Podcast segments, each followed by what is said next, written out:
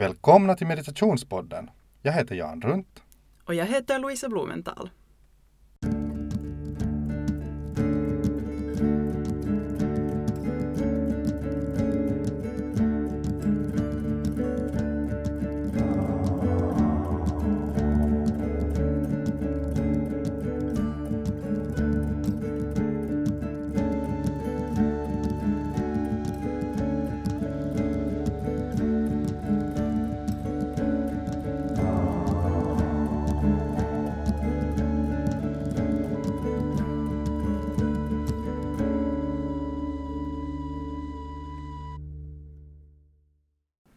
Hej och välkomna till fjärde avsnittet av Meditationspodden. Och idag så bandar vi in i Helsingfors och vi har fönstret öppet här så det kan hända att det hörs lite trafikbuller. Men å andra sidan tänkte vi att det kan passa bra in i dagens tema för vi tänkte nu prata om meditation och miljö eller omständigheter. Att hur påverkar omständigheterna meditationen och yogan och, och sen vice versa, hur påverkar yogan och meditationen de omständigheter man lever i? Vi båda har ju en sån bakgrund att, att vi har verkligen i tiderna fördjupat oss ordentligt i yoga och meditation. Vi har bott i ashram och du Louisa, du bodde till exempel, hur länge var det allt som allt?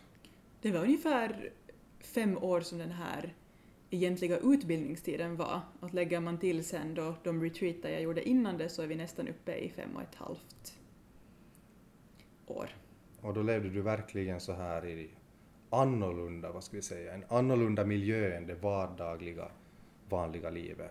Precis, en ganska, man kan kalla det på ett sätt isolerad miljö eftersom det var um, brist på allt det som kanske vanligtvis hör till ett eh, liv ute i samhället. Det var inget internet i alla fall, så där privat användning, ingen TV, ingen radio, inga telefoner. Um, vi reste från Ashram om vi hade privata uh, resor så var det två veckor om året som man hade möjlighet att då besöka familj och vänner. Att annars så var livet väldigt, väldigt koncentrerat på det man gjorde där och såklart undervisningen som var del av av den här yoga och meditationslärarutbildningen, så den gjorde vi ju utanför ashramet också, reste till olika ställen och undervisade, men resten så var i princip på plats och ställe. Mm. Hur tycker du själv att det här påverkar din vad ska vi säga, möjlighet att komma in i yogan, i meditationen, om du jämför med tiden innan du gav dig av och, och var på en sån här, vad ska vi säga, för det här ändamålet så väldigt avsedd plats? No, jag gick i skolan nästan hela tiden fram tills jag flyttade till det här ashramet, så det är på det sättet svårt att säga vad jag skulle ha kunnat göra eftersom största delen av min tid innan utbildningen ändå gick åt till att studera. Mm. Men det att jag var där och att då den här utbildningen, träningen var strukturerad som den var gjorde att jag nog hade jättemycket tid att dels praktisera och sen hade jag såklart lärare jag kunde konsultera och lära mig av.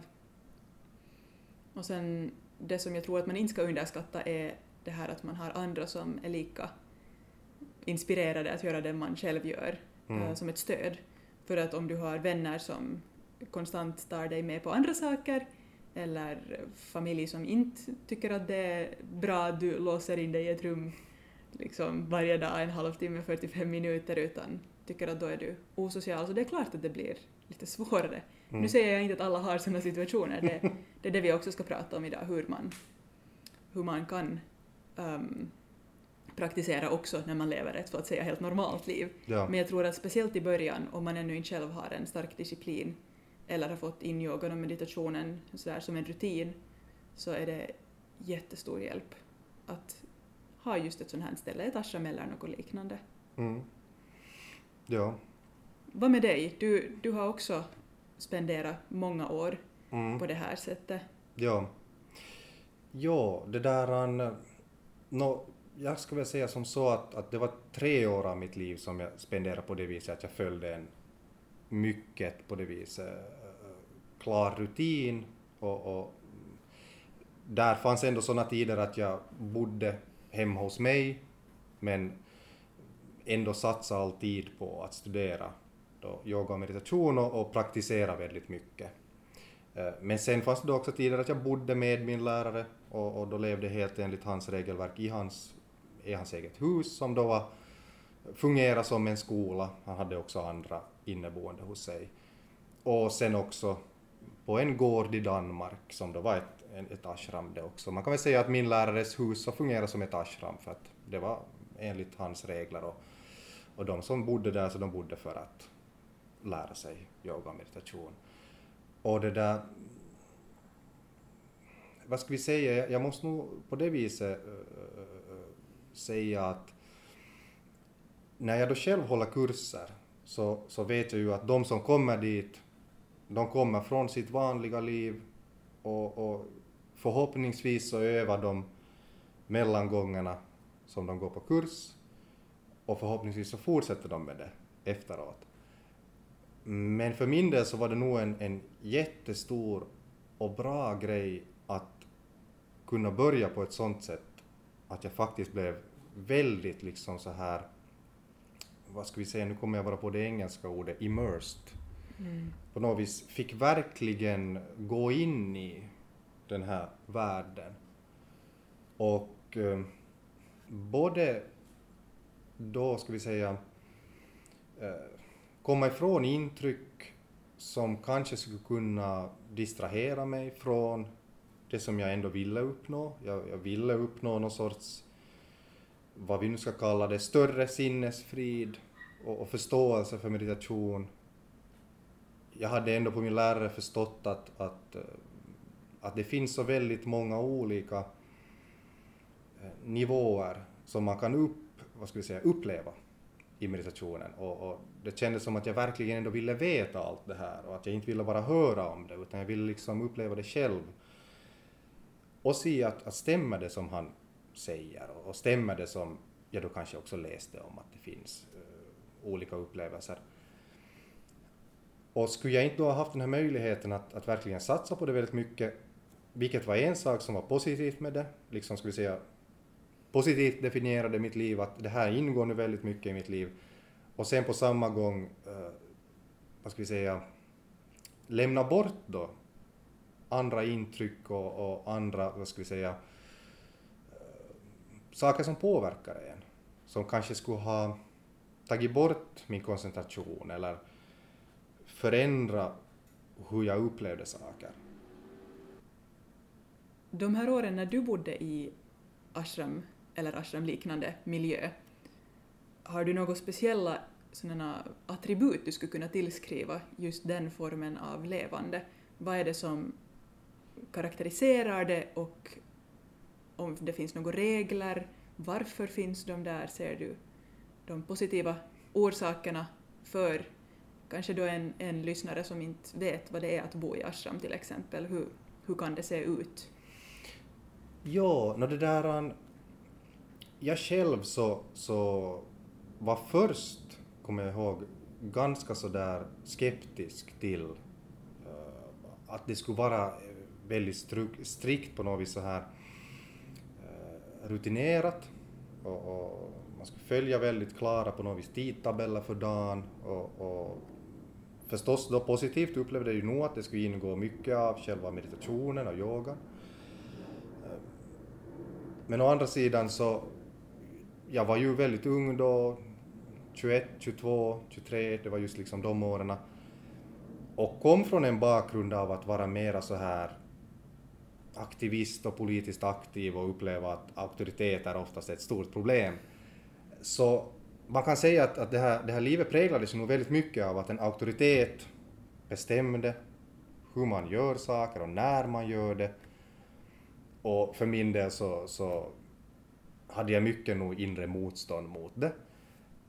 Det som jag sen med tiden lärde mig uppskatta med det, så var just det att det gav en väldigt klar struktur och den här strukturen var väldigt mycket inriktad på att på ett fiffigt sätt få in mycket av meditationen, mycket av yogan och på samma gång balansera det med till exempel att jobba, att hjälpa min lärare med saker och också då hjälpa till eller göra som praktik på hans kurser och, undervisa. Att det fanns ett system och det fanns en bra tanke med det.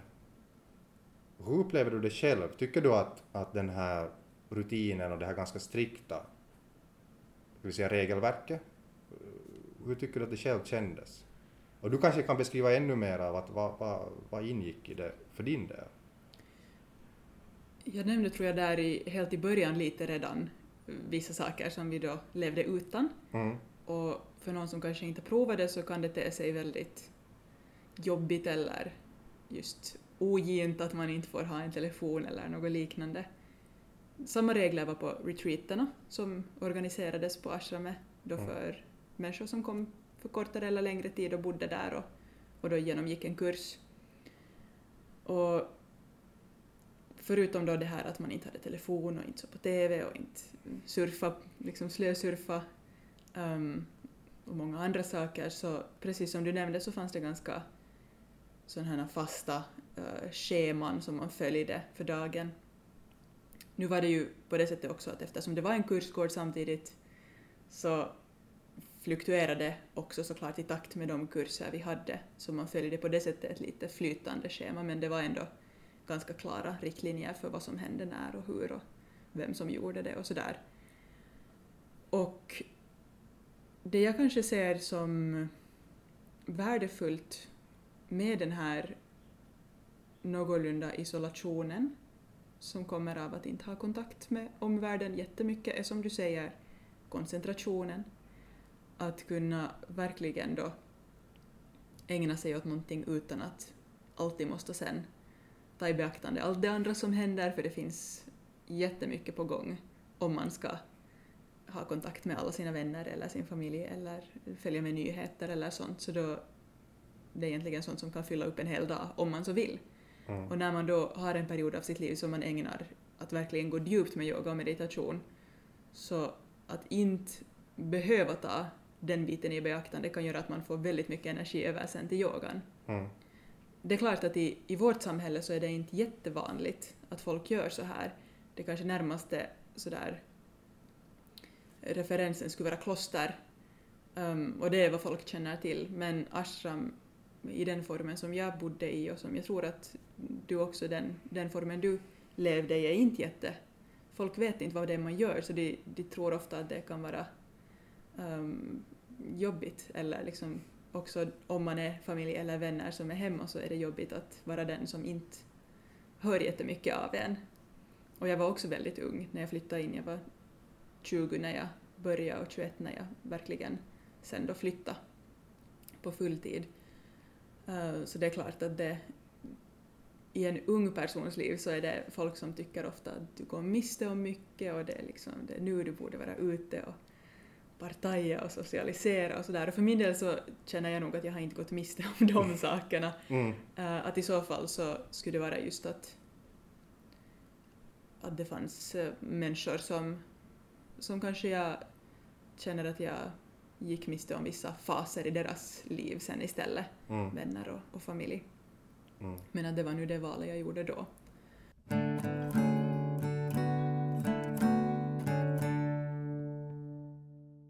En sak som kanske karaktäriserar ashramliv är till exempel uppstigningstiden.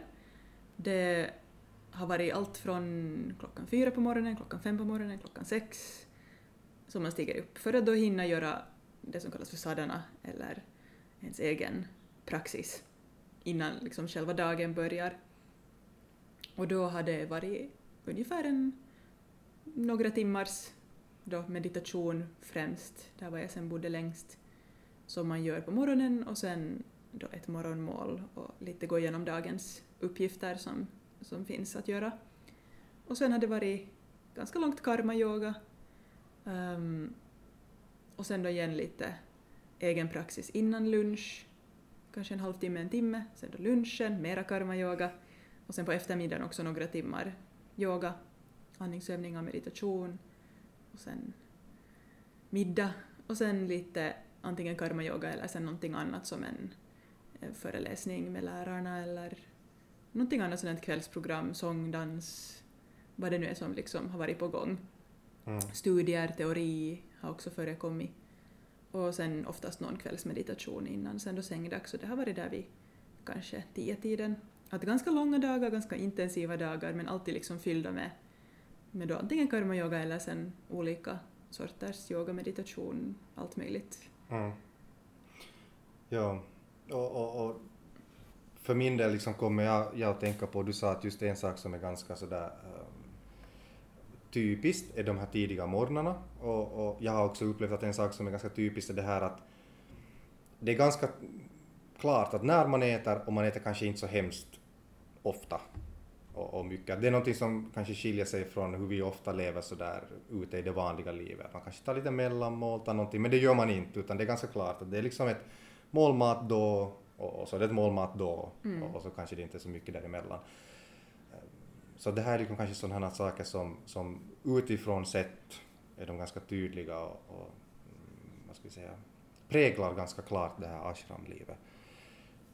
Och förstås det här att det sätts massor med tid på att kunna just göra den här egna utövningen och lära sig mera, men också då att utföra det som man redan har lärt sig. Och det tänker jag på när du sa att, att många kanske kan tänka att åh, när man som så här ung använder då flera år av sitt liv för sånt här, att, att man går miste så mycket, om så mycket. Men på samma gång så måste jag säga att, att det där, för mig så känns det som att, att det var ju galet häftiga år. Att liksom, det var man bara, liksom, ska vi säga, gick igenom på då ett kanske inre plan mera, men ändå, vilket man, jag är jätteglad att jag upplevde, så var ju väldigt så här häftiga, stora på något vis upplevelser som kanske till ytan sett inte skulle ha verkat som så speciellt. Man skulle ha tänkt att jaha, nu har jag då som en ung person som skulle kunna resa runt världen och så vidare, så nu väljer jag nu då att bo i ett, ett litet trähus i Tammerfors med någon gammal indisk gubbe. Och man tycker att det är nu hemskt konstigt. Men det är just det här att det är lite för mig till och med lustigt att tänka på, för att för mig alltid när jag tänker tillbaka på den här tiden så kommer jag ihåg de här inre upplevelserna och hur, hur enorma de var. Att det känns liksom som att man var kring hela jorden och liksom lite utanför. För att det vad man upplevde inuti genom då främst att meditera så, så var jättefascinerande.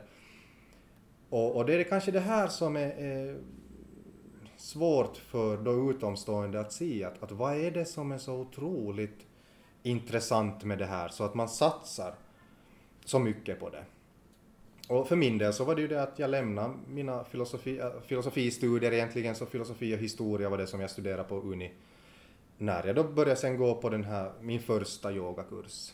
Och, och jag insåg bara att det här är så otroligt mycket mer intressant för mig. Och det var klart att inte det är sånt som till exempel föräldrar blir så glada av att, att man skippar universitetsstudier för att, för att det här han bor med någon indisk munk. Men de kom nog och hälsade på och, och träffa min lärare och, och, och det var lite sådana kulturella chocker att man skulle ju inte skaka hand och sånt här. Men sen så märkte de ju att han verkar vara en väldigt sympatisk person och en väldigt kanske så här respektingivande person och det tror jag också var för dem väldigt trevligt att se. Men nu kanske vi, vi å andra sidan kan fundera lite vidare på det här, för att det här var de här tiderna i, i vårt liv då vi kunde försänka oss så totalt i den här praxisen. Och där kanske jag nu ska inflika det jag tänkte när du sa att du var så ung, och jag var också ganska ung.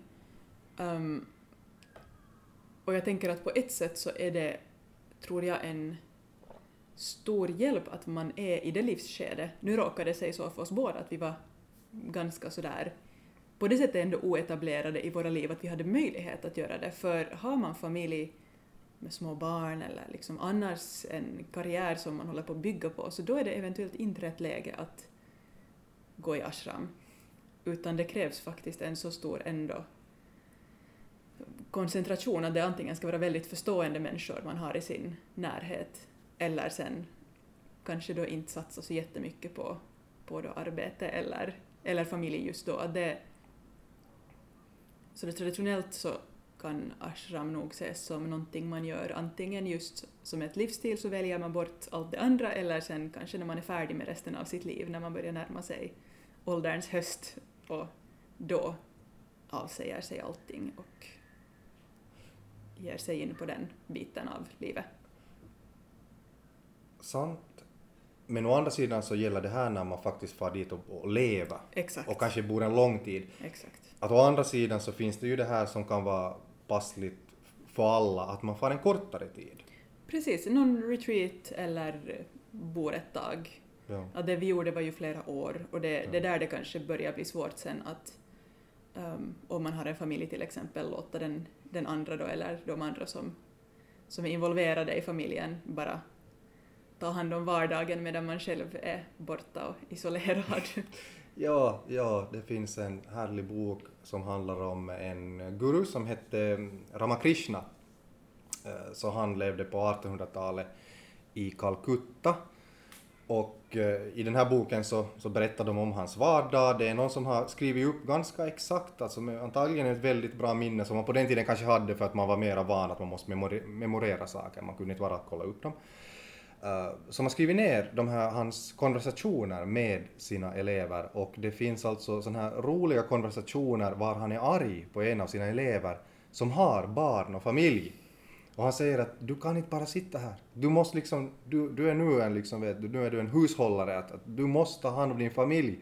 Men jag tycker det är roligt att se att, att då sådana här dilemman har då funnits i alla tider säkert, att någon har ändå fått den här samma ivern och samma intresse som vi hade när vi nu råkade ha sådana livssituationer att det ändå var, jag skulle inte säga enkelt, men kanske ändå relativt enkelt att tänka att men man kan välja bort det andra och man kan helt och hållet fördjupa sig i det här.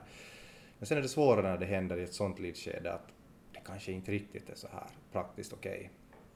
Och då fick alltså den här gurun då lov att lite sådär skälla ut sin elev att nu är det nog bara så, du måste också ta hand om liksom det här businessen.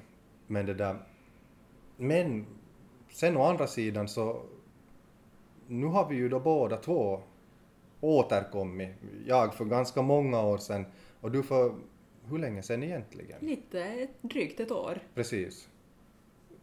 Och nu har vi liksom återkommit då till den vanliga världen. Och det undrar jag att, att hur tycker du för din egen del att hur mycket märker du skillnaden när det gäller just din yoga och meditation till att leva i ett ashram och att nu leva utanför, ute i så att säga vardagen? Det är en jättestor skillnad tycker jag. Det, dels så är det just den här bristen på en rutin som byggs kring yogan och meditationen. Förvisso så har jag det mycket sen i mitt då lönearbete, om man kallar det så, det jag lever på, Mm. kretsar kring yoga och meditationsundervisning. Mm. Men då är det ju inte min praxis som är i fokus, utan då de som kommer på kurserna jag drar. Ja.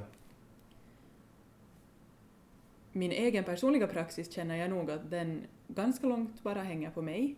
Mm. Och så har jag turen att bo tillsammans med någon som själv också uppskattar det, så det, det är såklart att det är en bonus.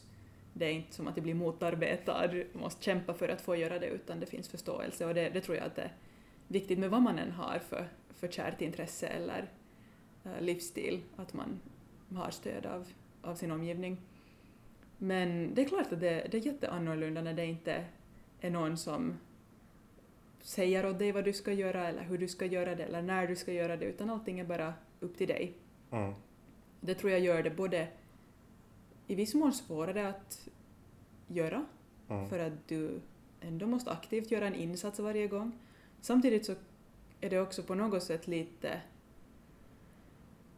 lite spännande att se att vad är det när jag faktiskt helt själv har tyglarna. Jag kan välja i just den stunden vad det är jag ska göra. Det är inte en grupp som bestämmer det eller en lärare som bestämmer det utan det, det är upp till mig och jag kan själv säga att vad, vad skulle just nu vara det rätta. Mm. Och det är ju kanske just den situationen som de allra flesta befinner sig i om vi då talar om sådana som kanske redan då har skaffat familj eller har ett jobb eller inte då bor i ett ashram. Mm. Och på ett sätt känner jag också att det som lärare som också undervisar annat än bara retreats, som undervisar folk som är mitt uppe i livet, Mm. är det en jättefin erfarenhet att ha. Att hur får man ihop yogan och vardagen? Mm. Är det möjligt att inte bo i ett ashram och ändå gå djupt med det? Ja. Men som sagt, jag har inte jättemycket erfarenhet av det eftersom jag bara har då bott ute i, i samhället igen då i, i lite på ett år. Men du sa Ja. just att du har bott ganska länge redan, så du har lite mera. Ja, alltså jag har räknat det är då 17 år som jag liksom har varit tillbaka från ashramet. Och det där...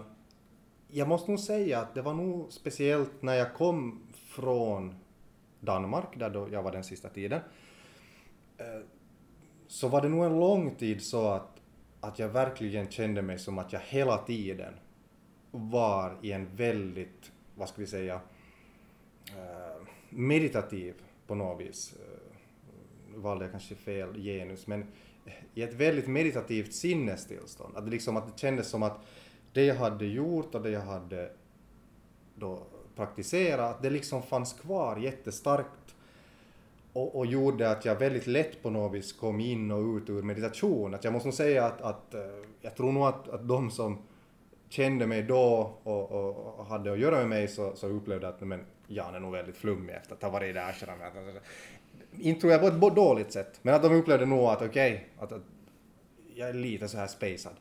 Och det där, um, men det är klart att sen med tiden så, så kom ju det här liksom vanliga vardagen. Det var ju också det att, att var man i ett ashram så var man ju just omgiven av andra människor som hela tiden tänkte ganska mycket på allt eh, som har att göra med yoga och meditation. Diskussionerna rörde sig kanske mycket på ett sånt plan och man kanske pratade mycket filosofi eller bara helt enkelt spela sån här, alltså vad heter det, kirtan, alltså det vill säga spela och sjöng musik som var avsedd för att stödja meditationen. Och sen var man tillbaka i ett vanligt liv och kanske satt på vet du, sina gamla vanliga skivor på CDn och sådär. Men som sagt, jag tyckte det fina var att jag kände verkligen att den här tiden nog hade lämnat ett jättedjupt intryck. Så att det är en sak som jag på något vis tänker att jag tror att alla människor som bara får den möjligheten att någon gång vara borta från det här vardagliga livet, om de vill liksom komma in i yoga och meditation, så jag tror nog det här att man kan få, att, det att man kan få någon tid bort därifrån, så jag tror nog att det lämnar ett spår som man sen kan komma tillbaka till mycket på något vis starkare om man har fått den här möjligheten. Eh, än om man kanske inte har fått det. Men det är ju klart, jag menar alla kan inte, alla kan inte och verkligen inte i flera år. Det var nog kanske en, på det viset ganska spel. Jag skulle säga att den här starka känslan av att det fanns liksom uh, någonting djupt lagrat, så jag tycker att den höll i sig kanske i ett par år efter att jag hade kommit bort från mitt ashram. Men senare så började jag just inse att, att liksom, att, nåjo, att jag måste jobba mera på att uppehålla det. Att det är liksom inte lika självklart. Det är inte så där bara att jag går lika lätt in i meditation när som helst och tänker att, att jag kan egentligen liksom bara göra så nu att jag tar min meditation medan jag diskar liksom. Sådär. Utan jag ändå måste, liksom, jag måste igen börja ha helt klart liksom någon sorts regler för mig själv för att annars så skulle jag riskera att tappa det på något sätt. Men sen igen, det som ju den stora skillnaden var, var det att, att när jag väl sen började leva ute i det vanliga livet så att säga igen, så tyckte jag ju att man på ett annat sätt då når andra människor som kanske inte hade någon som helst bild eller kanske någon gång hade hört någonting om meditation eller kanske någon gång testat på något smått. Och då var det mycket roligare det där att man kunde faktiskt liksom berätta åt dem och, och förstås jag menar lära ut och börja dra kurser men, men också just det här att möta människor i helt olika livssituationer och märka att den här diskussionen kommer snart att nå till en punkt var jag gärna tar upp det här med har du tänkt på det här med meditation? Att det blir lite sådär att i ashramet så var allting så självklart. Alla visste att här försöker vi meditera och göra yoga liksom. Och, och, och det var liksom en sån atmosfär. Alla var på samma linje. Kanske om jag själv fortsätter min meditation, håller upp det, så kan jag kanske vara lite bättre att på något vis förklara åt andra att vad är bra med det. Och så kanske jag rycker dem med i det. Jag menar, det får man bara hoppas.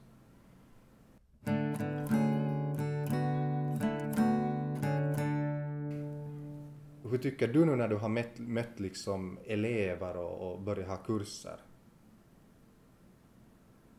Känner du på något sätt att, att eh, de har en sån här iver och, och ett intresse och, och, och sådär som, som du hade när du började eller är det sen på en annan på något vis?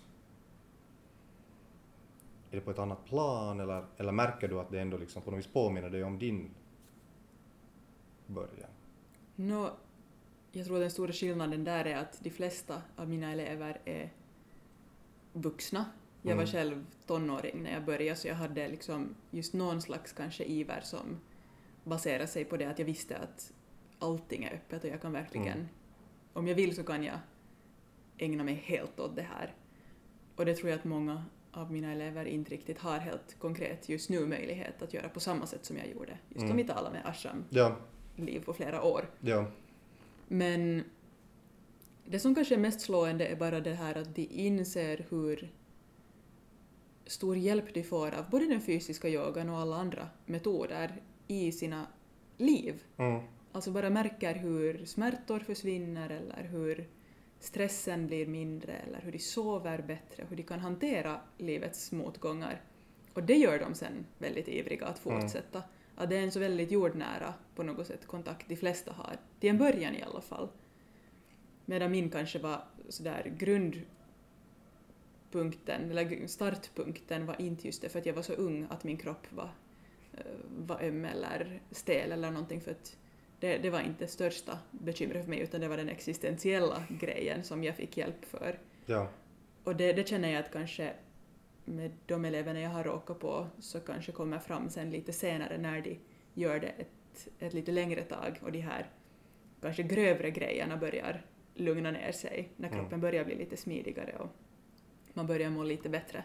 mm, Så då har jag fått höra många som säger att det är så, det är på också det här djupare planet så tillfredsställande mm, att göra de här metoderna.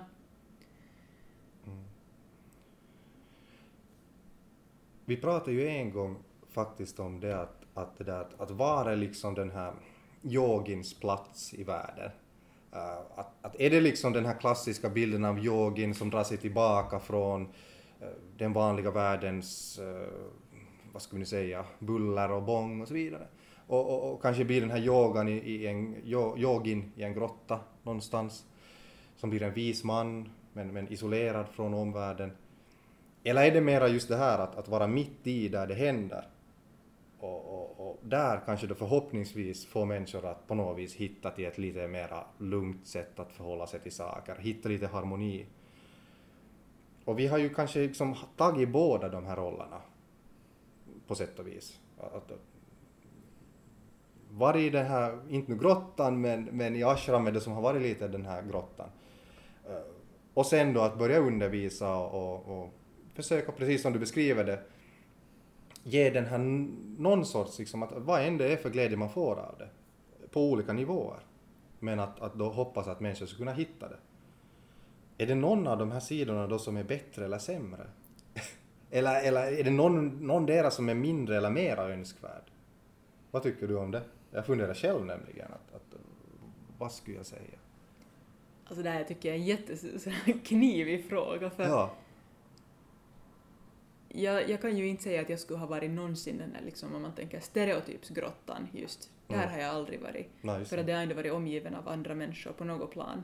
Mm, Men så det är ju som sagt den där symboliska grottan, så ja. Men samtidigt så kommer det ju folk dit som Just lär det. sig. Så det, jag vet inte om man kan på något sätt värdera dem som bättre eller sämre. Jag menar det ena gör att, att du har möjlighet att hjälpa sådana som redan har kommit en bit på väg eller som har viljan och möjligheten att gå jättedjupt. mm, Säg att du just bor på ett ashram och du undervisar de som kommer dit. Då mm, har du kontakt med omvärlden men det är bara väldigt speciella villkor. mm, Och de du jobbar med är speciella människor på det sättet att de verkligen vet att det här vill de fokusera på. mm, Medan de människorna sen du kommer i kontakt med om du bor ute i samhället är för det mesta kanske antingen inte villiga eller just har möjligheten att gå djupt på samma sätt. Men Mm. det är inte sagt att de just inte skulle få sen jättemycket ut av det på det planet du då kan finnas till för dem. mm, Att det kanske... Det är jättesvårt bara att jämföra för det är så olika saker. Jag skulle ju kanske hoppas att det ena inte utesluter det andra utan Mm. att man skulle ha möjlighet att, eller jag skulle ha möjlighet att för att det är också som lärare en sån ynnest att få undervisa i, i de båda situationerna, att fortsätta få vara del av båda världarna för att det är nog... Det är jättefint att se det som händer med folk när de får gå in i en retreat Mm. och vad det ger dem. För som du sa, det är någonting som de sen tar med sig ut till Ja. resten av sitt liv. Och samtidigt vet jag hur värdefullt det har varit för det har de som har kommit på kurserna berättat att ha en kontinuitet, Mm. att ha det som del av, av sin andra vardag som ett stöd i det. Så att, ja, jag, jag kan nog inte säga vilket som är bättre eller sämre. Nej. Nej, och det, det är kanske just det jag också tänker att det finns någonting så väldigt olika i de här, ska vi säga, olika rollerna som då yogin eller, eller fast då en meditationslärare eller yogalärare kan ha. Och, och den här då yogin i grottan, om man tänker verkligen i grottan, som kanske inte ens är ett riktigt ett sånt ashram som till exempel då du har bott på, eh, men som jag kanske har haft viss erfarenhet av under den tid som jag studerade eftersom det ändå var långa tider då jag var ganska isolerad och, och, och verkligen utförde liksom min, min praxis väldigt isolerat men hade kontakt med min lärare. Eh, och, och då kan man tänka att är det faktiskt liksom att är det bra det här? Att liksom, att är det nu vettigt att man, man gör på det här sättet? Och jag måste nog säga att, att för mig känns det lite som att det är det är liksom yogans forskningslaboratorium. Att, att där liksom utför man den här forskningen som då kan vara i ens eget medvetande eller om, eh, om yogan och meditationen och hur den fungerar under sådana omständigheter att, att det liksom det blir väldigt klart att vad är det som händer i yogan och meditationen. Och då kan man komma ut ur laboratoriet sen och berätta och, och, och, och kanske liksom föra med sig det på något sätt. Så det har liksom sin plats. Och sen då just ashramet som kanske är den här grottan men med lite mera socialt sådär, eh, vad ska vi säga, med en starkare social aspekt. Det är ändå så att där sker undervisning och, och människor just är på retreats.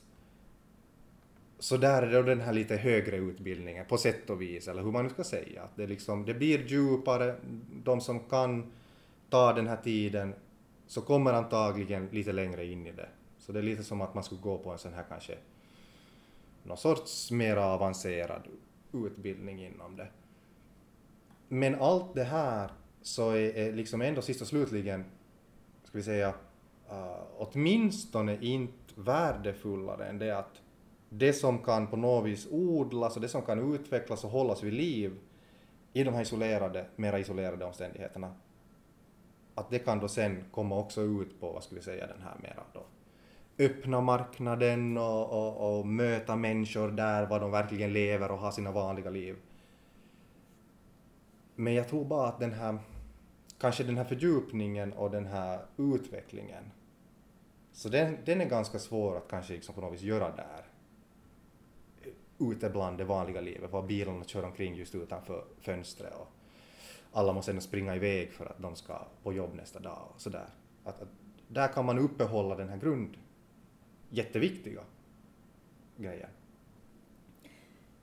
Jag tyckte den här beskrivningen av ett laboratorium var jättefint, för det, det är just vad ett ashram i bästa fall är, någonting som tar bort de här faktorerna som kan förändra det du håller på att göra, de här variablerna som kan komma, så att du får ett så klart och konsekvent resultat av din praxis som möjligt. Om man då inte har möjligheten att vara i ett ashram, finns det några regler som man borde följa om man gör yoga och meditation ganska sådär regelbundet? Mm, det här tycker jag är en jättebra fråga.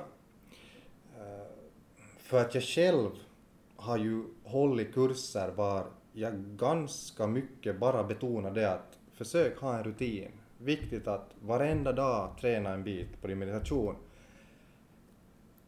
Men sen har jag inte egentligen försökt sätta några andra regler på hur du ska leva, utan liksom att det här skulle vara det viktiga. Varje dag, meditera varje dag, öva varje dag.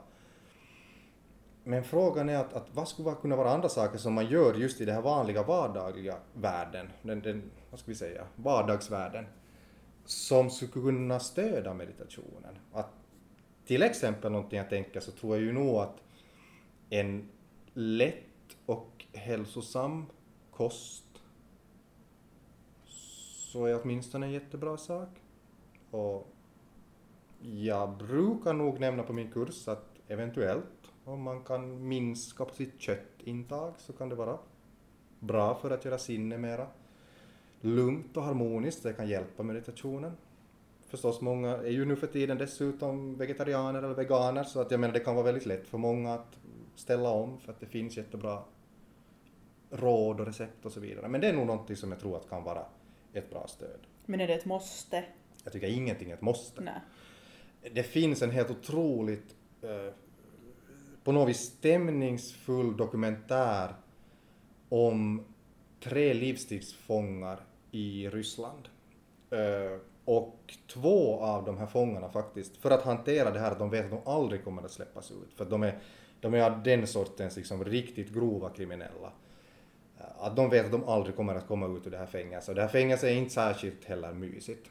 Eh, det där, två av dem har gått in i att uppehålla någon sorts eh, yoga eller andlig så här disciplin. Den ena har blivit Vaishnavit, alltså det vi kallar för Hare Krishna, så här vanligtvis. Den andra har otroligt mycket yogaövningar och, och jag tror att han gör andningsövningar. Det framkommer aldrig att gör han direkt meditation.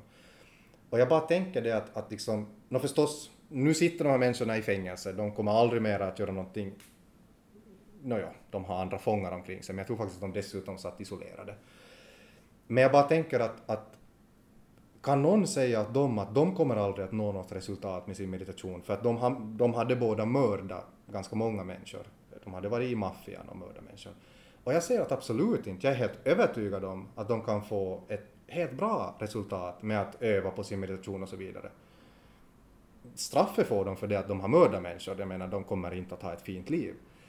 Men oberoende av vem du är och vad du gör annars så är jag helt övertygad om att om du gör någon form av meditation, yoga, också någon sorts annan andlig praktisk exempel, så jag är helt övertygad om att du får resultat som är bra för dig och för andra, oberoende av om du följer några vissa regler. Men vad tänker du om det? Tror du jag har rätt eller fel?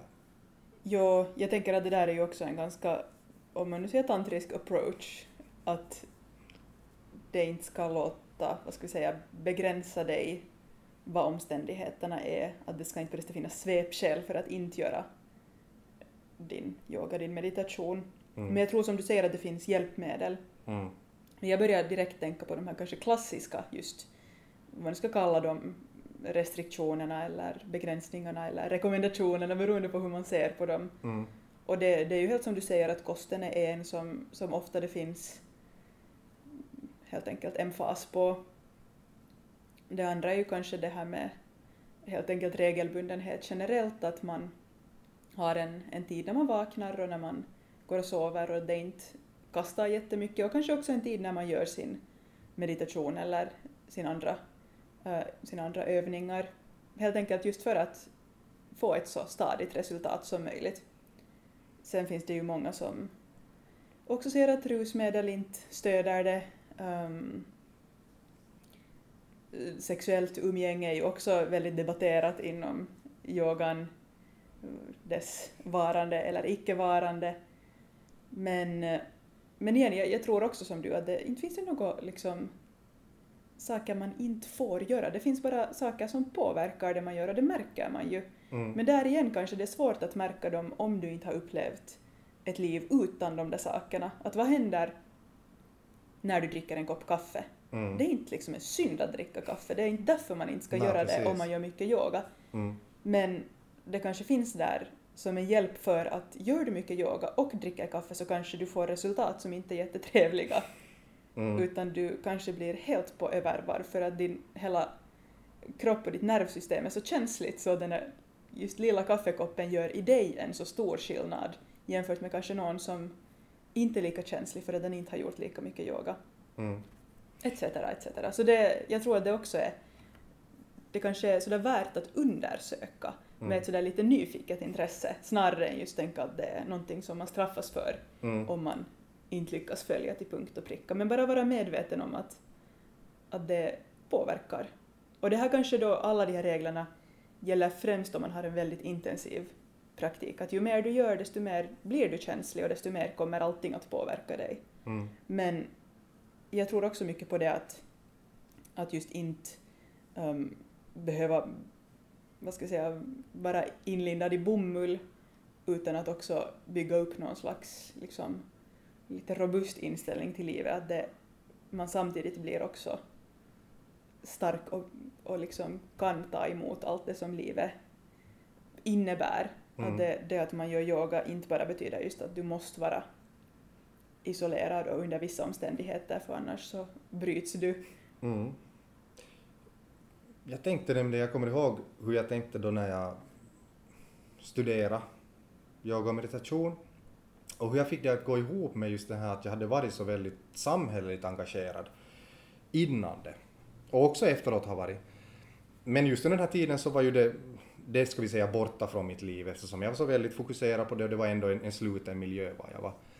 Eh, men någonting som jag då tänkte mycket på var det att, att hur jag själv upplever att uh, yoga och meditation just tvärtom till att göra en, en mera på något vis som man kanske kan, jag vet inte, men, men man kanske kan tänka sig lite att det där, man, man, man blir så här väldigt mjukis, man går liksom i mjukisbyxor och, och, och, och, man tycker att, att på något sätt att man blir väldigt känslig för saker. Och det kanske stämmer på ett sätt, man kan bli ganska känslig för saker på det viset, att man har en Mm, kanske starkare känsla av vad som händer omkring en och, man kanske upplever saker med en större mängd, uh, vad ska vi nu säga, intuition eller man får kanske lite så här starkare antenner för att vad som är på gång.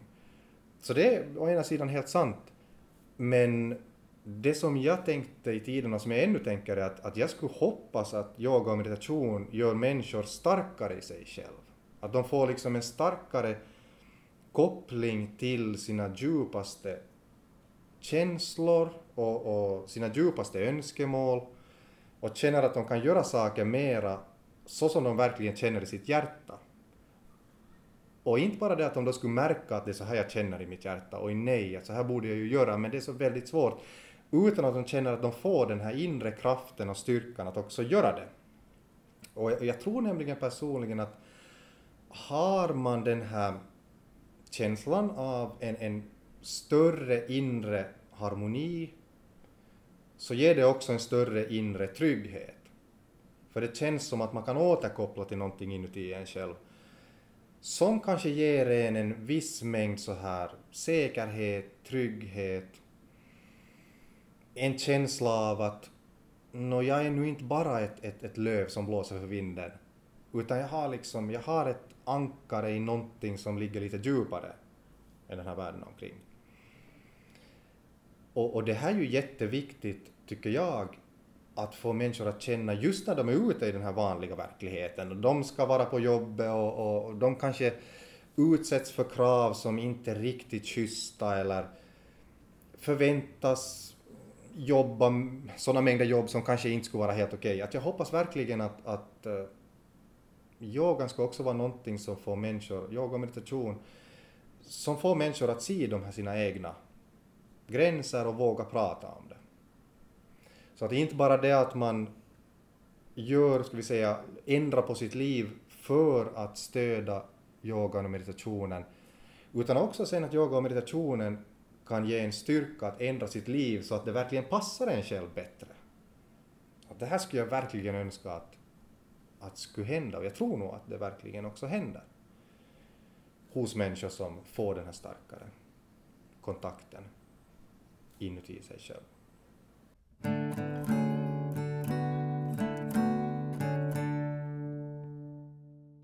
Men om vi nu tänker oss att, att vi har de här olika verkligheterna där, där yoga och meditation kan utövas. Vad skulle på något vis vara idealet? Vad skulle vara det allra bästa på något vis som skulle kunna hända? Att, att, att vi inte kanske bara har de här kurserna ute på, på kurscenter med någon gång i veckan och vi inte bara har det här ashram med men vad skulle vara den bästa på något vis kombinationen av de här två världarna? För vem? Jag vet inte, kanske just no, både för yoga och meditationen om vi tänker på den, men också just alltså för den som vill komma in i det. Jag tror igen att det är så jätte upp till var och en Ja. och var den står i livet. Att jag ser ju nog värde i att vara ute i naturen, isolerad, när man vill gå djupt. Mm. Och som jag sa tidigare, jag ser värde också i att finnas där var människor lever sitt liv. Mm. Som inte alltid är ute i naturen utan väldigt många som, som lever mitt i storstan. Ja. Att jag skulle kanske tänka just att, att det nu helt enkelt handlar om vad för möjligheter, vad för intresse folk har och om då det finns av allting någonting för alla så då är det bra. Mm. Och nu i den här världen som vi lever i så ökar ju sånt som internetbaserad undervisning. Jag är själv ganska skeptisk till det. Mm. Bara av den orsaken att det tar bort jättemycket av de sakerna man kan göra när man är i samma utrymme helt fysiskt. Mm. Även om jag såklart ser de positiva sidorna med det också. Men så det, på det sättet är det en, en värld med mycket förändring som vi är, är mitt i just nu. Mm. Och jag röstar starkt för att också hålla kvar de här lite mer traditionella systemen där man fortfarande kan, kan vara långa perioder ostört och praktisera. Mm. Så jag tror tyvärr inte att det blir något jätteklart svar. nej, nej, nej. Alltså, jag, jag tänker på det här just vad du sa om att vara ute i naturen och vara inne i stan. Jag brukar ibland få höra att, eh, att, att inte behöver man ju på det viset meditation i Finland, för att det finns ju alltid skogen man kan fara ut i. Och när jag hör det så, så märker jag ofta att de som säger det eventuellt tar det som en självklarhet att alla ska ha det här landet dit de kan fara varje veckoslut och så vidare. Och så är det ju inte för det första. Och för det andra är ju det att det här landet är ju bara någonting, även för de som har det, så det är ju bara någonting man använder en viss tid om året oftast. Resten av året så kanske man då, om man bor i stan, jag menar nu bor ju många också på landet och de är ju enligt alla undersökningar mycket lyckligare än de människor som bor i stan. Men många bor ändå här i stan. Och det är det som jag tänker att det är just lite det här argumentet för meditation också. Att, att jo visst, när du är ute i skogen du kan känna dig mycket mer harmonisk, men du kan inte hämta med dig skogen in i stan. Och det är lite samma sak med det här ashramet, du kan inte hämta med dig dig in i stan, utan du kan vara där och du kan lära dig saker som du sen har nytta av inne i, i stan. Så på något vis, om, om jag tänker så, så ser jag det som så att, att det är jättebra att lära sig yoga och meditation. Och sen är det ännu superbra om man någon gång har möjlighet att fara iväg, ta en paus, komma ordentligt in i det. För att jag tror att precis som jag kan säga att varenda en person som börjar öva på någon form av meditation, yoga, någon sorts praxis av det här, av det här slaget. Så jag tror att varenda en sån person, oberoende av hur deras liv ser ut annars, så de kommer att ha nytta och glädje av det. Och jag tror att varenda en sån person som sysslar med det här och någon gång tar en paus, för jag menar alla har oftast någon semester, jag menar det kan handla om att man får en vecka iväg. Så jag tror att alla har nog den här känslan av att det blev ännu djupare för att de verkligen satt sig in och satsade på det. Så jag tror därför att det är just det här, det finns liksom ett spel mellan de här två som är, är jättebra. Och jag tror faktiskt när du sa det här att, att ashram i vår tid också, så behövs det här liksom strukturen och, och rutinen.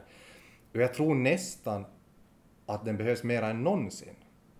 För att om vi tänker 20-30 år tillbaka så allas vardag tror jag hade nog lite mera av bara en vanlig rytm och en klar på något vis struktur av att TVn visar ingenting roligt efter klockan tio. Jag menar liksom, så det var, man hade liksom ganska mycket sådär klart att ja men då går man och lägger och så sover man tillräckligt och så kanske man stiger upp utvilad då och då och så vidare. Och nu är det här så totalt, för, särskilt då för kanske yngre generationer. Det här har sprängts totalt. Det kan också hända att jobbet är sånt, att du inte riktigt vet när du jobbar och när du inte jobbar. Att då tror jag verkligen att det här får komma och praktisera, bara det här lugna ner dig själv med en rutin. Att det i sig kan vara en stor sak. Sen dessutom det att du kan använda den här tiden för att komma djupare in i yoga och meditation. Det är liksom som att det är ännu nästa plussteg. Så jag tror verkligen att vår tid, om någon tid, behöver det här. Och det tror jag nästan är en perfekt avrundning på den här episoden. Så tack för den här gången Tack för idag. Vi hörs igen. Det gör vi. Och hoppas ni återkommer.